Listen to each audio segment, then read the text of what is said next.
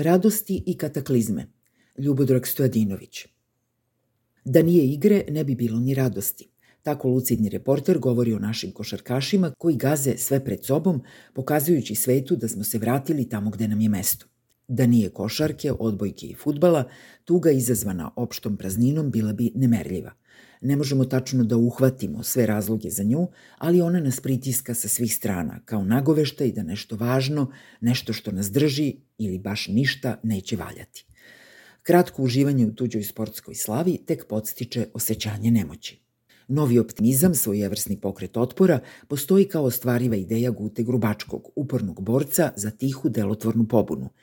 Pre svega protiv javnog nasilja kao oblika vladavine. Bez otpora ne može biti optimizma, bez solidarne snage neće biti nasušnog socijalnog prevrata. Ako je opozicija potpuno odustala od ideje o tome zbog čega postoji, mnogo je važno da Guta kao dobri pobunjenički duh ne odustane. Možda je optimizam u čestim najavama katastrofe prejaka reč. Jednoga dana sve će ovo biti prošlost ako bilo šta od nje preostane. Dve zime koje dolaze postavljaju se kao prepreka opstanku srpskog dela civilizacije. Oni koji preteknu počeće iznova.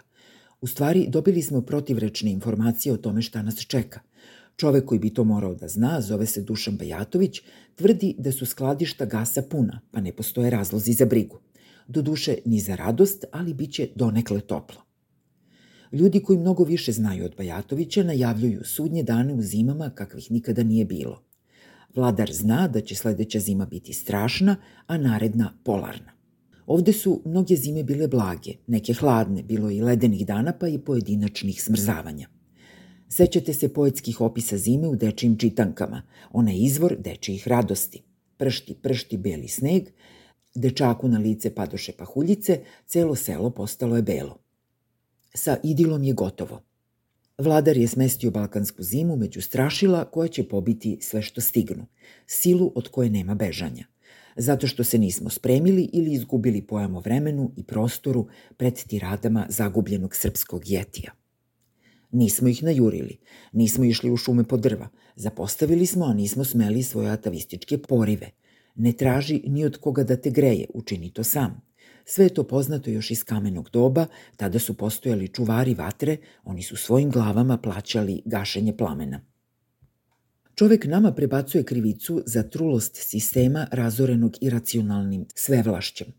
Neće biti toplo za ljude koji nisu dovoljno dobro razumeli značaj podaništva. U hladnoći se lakše vlada, ovde se grejanje udeljuje, a ne poseduje kao građansko dobro.